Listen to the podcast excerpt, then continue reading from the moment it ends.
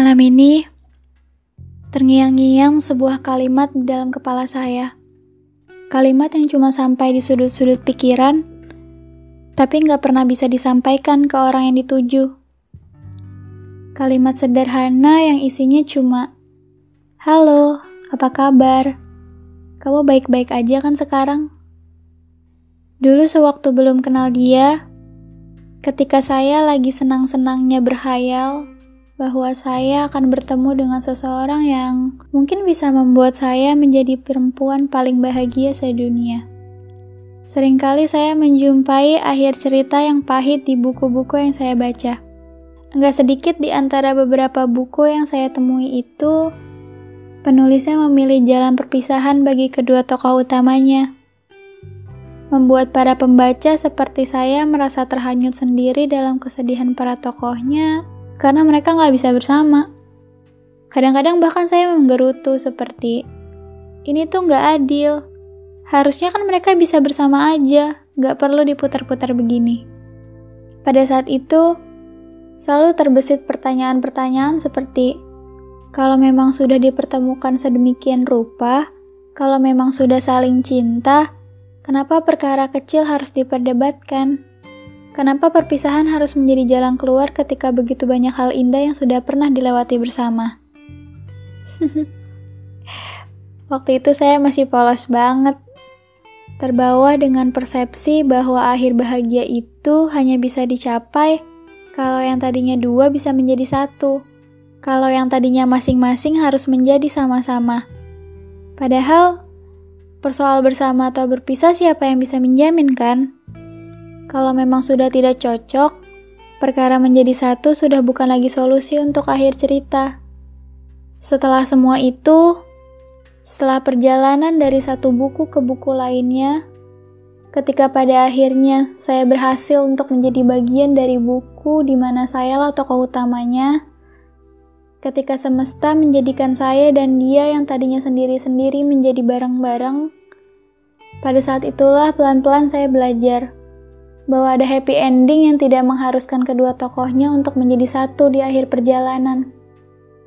Bersama dia membuat saya mengerti bahwa ketika dua hati sudah tidak bisa searah dalam perjalanan, ketika dua pikiran sudah tidak bisa berkompromi untuk si ia dalam setiap pilihan, ketika pertengkaran selalu menjadi jawaban untuk setiap perbedaan, bersama sudah bukan lagi pilihan untuk menjadi solusi dari akhir yang bahagia. Mungkin awal-awal rasanya akan aneh, aneh banget. Tapi ya mau bagaimana? Memang akan begitu kondisinya. Bayangin aja, kalau orang yang tadinya dianggap seperti bagian dari diri sendiri, yang sering menjadi tujuan untuk pulang meski saat bahagia atau sedih sekalipun, yang sering bikin senyum meski raganya tidak sedang bersama saya, tiba-tiba kini dipaksa pindah.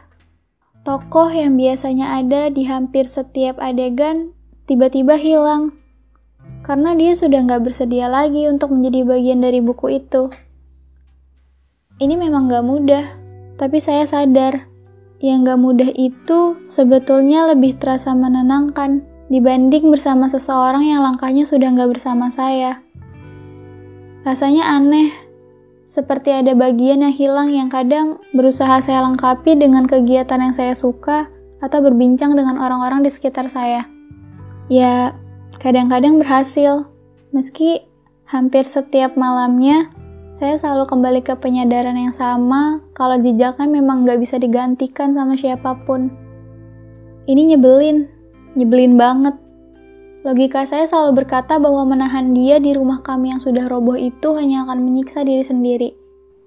Bahwa menahan seseorang yang sudah tidak ingin membangun rumah bersama saya hanya akan melahirkan kekecewaan-kekecewaan baru.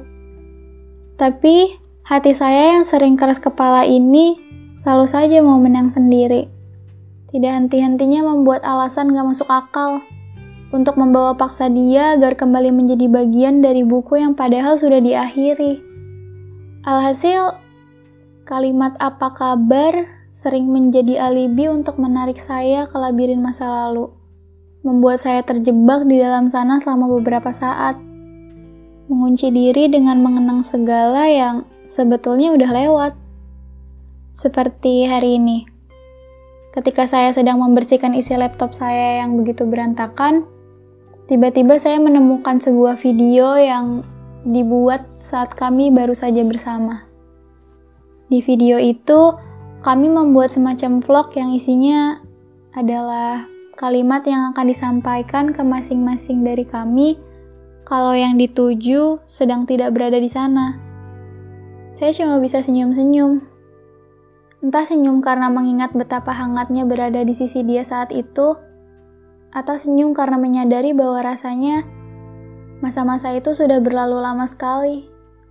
Dua-duanya nggak mudah, karena nggak ada jaminan bahwa dengan singgah walaupun hanya sebentar itu, nggak ada yang bisa menyelamatkan kalau saya kembali terjebak dalam ekspektasi yang membunuh saya pelan-pelan. Mimpi yang kalau dilihat-lihat lagi, sekarang cuma tersisa debu yang mungkin sudah tinggal menunggu terbawa angin. Iya, terbawa angin. Karena kalau mimpinya saja sudah tidak punya sandaran apa-apa untuk setidaknya berdiri atau memiliki wujud, nggak ada yang bisa saya genggam untuk pelan-pelan menghidupkan mimpi itu. Dia mungkin sebetulnya masih punya wujud di hati saya, masih sering mampir di kepala atau dalam puisi-puisi yang saya buat. Masih beberapa kali menjadi alasan dari hujan di hidup saya. Tapi kini saya sadar, Begini pun sebenarnya nggak apa-apa. Bahwa menyayangi tanpa mengharapkan balasan itu sebenarnya nggak semenyeramkan kelihatannya. Meski masih beberapa kali timbul rasa sesak yang mampir, ketika rindu yang saya punya sudah tumpah ruah, karena hati saya nggak kuat lagi untuk menampungnya. Episode ini sebetulnya saya buat untuk dia. Meski nggak tahu dia akan mampir atau enggak, Episode ini akan menjadi rumah yang saya datangi kalau rindu itu kembali terasa menyesakan lagi. Hmm, makasih ya. Makasih karena kamu sudah menjadi bagian dari fase pendewasaanku. Aku belum sempat ucapin itu kemarin karena kita terlalu sibuk dengan kalimat perpisahan. Makasih untuk segalanya dan aku berharap untuk episode kali ini semoga kamu dengar.